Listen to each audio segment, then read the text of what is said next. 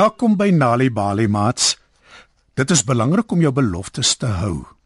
As jy vir iemand sê jy sal iets doen, moet jy jou woord hou. In vanaand se storie, hoekom seekoeie nie vis eet nie, hoor ons hoe seekoei lank lank gelede 'n belofte gemaak het aan die koning van al die diere. Skuif dus nader en spits julle oortjies.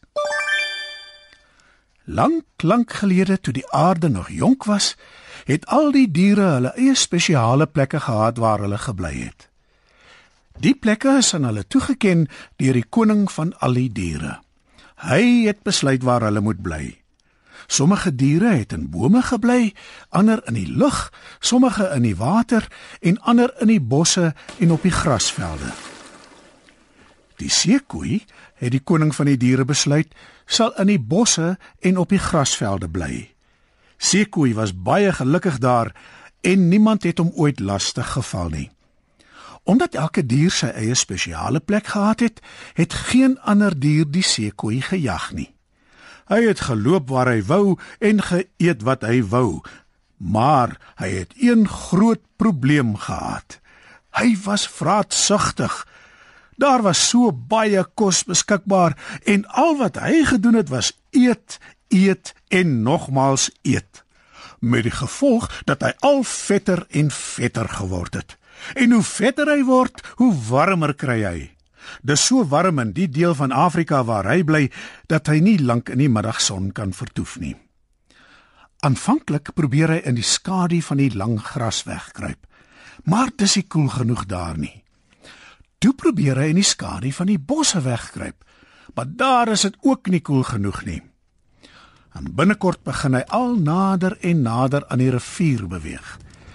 Elke dag wanneer hy rivier toe gaan om water te drink, kyk hy na die visse wat in die poele in die rivier rondswem. Die water lyk so heerlik koel en die visse lyk so gelukkig dat die seekoei aan niks anders kan dink as sy begeerte om in die heerlike koel water van die rivier in te duik nie. O, oh, sê hy. O, oh, wonderlik sal dit tog nie wees as ek in die water saam met die visse kan bly nie. Kyk net na hulle. Hulle lyk so tevrede. En elke dag wanneer die seekoei op die grasveld en in die bosse wy, dink hy heeltyd net aan die rivier. Toe op 'n dag besef hy dit kan nie so aangaan nie. Hy moet iets daaraan doen. Dus op een van die heel warmste dae gaan hy na die koning van al die diere toe en pleit by hom om na hom te luister.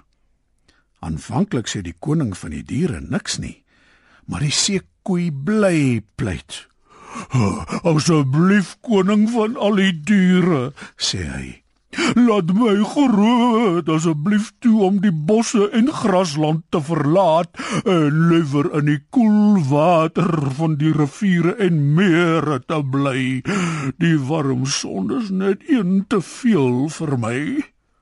Nee, antwoord die koning van al die diere. Elke dier het sy eie plek waar hy bly. Die riviere en mere is vir die visse. Hulle is spesiaal en ek is baie lief vir hulle. As jy in die riviere en mere gaan bly, gaan jy jou eetgewoontes verander en die visse opvreet. Nee. Jy moet op die land bly en daar lewe. Die seekoei het geen ander keuse as om die koning van al die diere te gehoorsaam nie.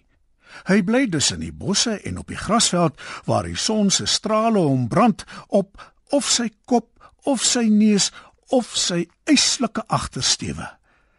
Hy kan nie plek in die skaduwee kry om hom van die son te verskans nie, want hy is eenvoudig te groot. "Ag nee," sê hy hartseer. "Ek is so bitterlik ongelukkig en nie alleen is ek ongelukkig nie, my hele lyf is verbrand deur die warm son." kan ek nie tog maar in die riviere en mere bly waar dit koel is nie. Ek beloof ek sal nie die visse eet nie.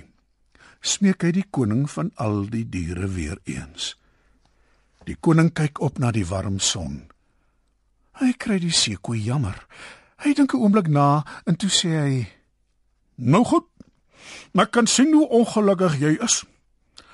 Ek sal toelaat dat jy in die koel water van die riviere en mere bly, maar dan moet jy my beloof jy sal nie my visse vreet nie. Ek beloof, sê die seekoei. Ek sal nie aan die visse raak nie. Toe vra die koning van al die diere: "Hoe kan ek seker wees jy praat die waarheid?" "Omdat," sê die seekoei, "ek bedags in die water sal lê en net saam sal uitgaan om te wy. Ek sal net die gras op die walle van die riviere en mere vreet." Dis alles goed en wel dat jy sulke beloftes maak, maar ek kan nog steeds nie seker wees dat jy dit sal hou nie. Hoe kan ek seker wees jy sal nie my visse vreet nie? Sê die koning van die diere. Wel, antwoord die seekoei.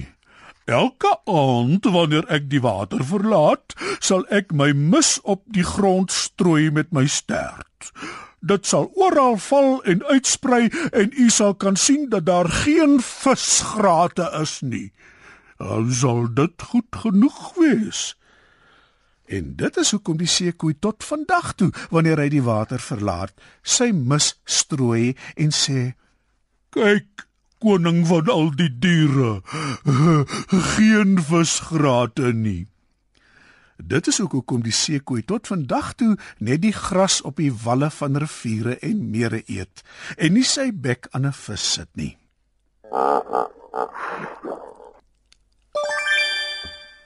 Vanaand se Alibali storie, Hoekom die seekoei nie vis eet nie, is geskryf deur Wendy Hartman. Het jy geweet deur vir kinders tuistories te vertel en te lees, help jy hulle om beter leerders op skool te word? Vir meer stories om vir kinders voor te lees of vir kinders om self te lees, besoek ons by www.nalibali.mobi op jou selfoon. Daar sal jy heelwat stories in verskeie tale absoluut gratis kry.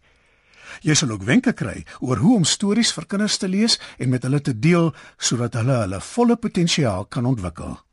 Story Power. Bring dit huis toe. Kyk ook uit vir die Nali Bali bydra met eerlike stories en aktiwiteite beskikbaar in KwaZulu-Natal, Sunday World, Engels en isiZulu. Gauteng, Sunday World, Engels en isiZulu. Vrystaat, Sunday World, Engels en Sesotho. Weskaap, Sunday Times Express, Engels en isiXhosa. Ooskaap, The Daily Dispatch Dinsdae en The Herald Donderdae, Engels en isiXhosa. Nali Bali is ook op Facebook.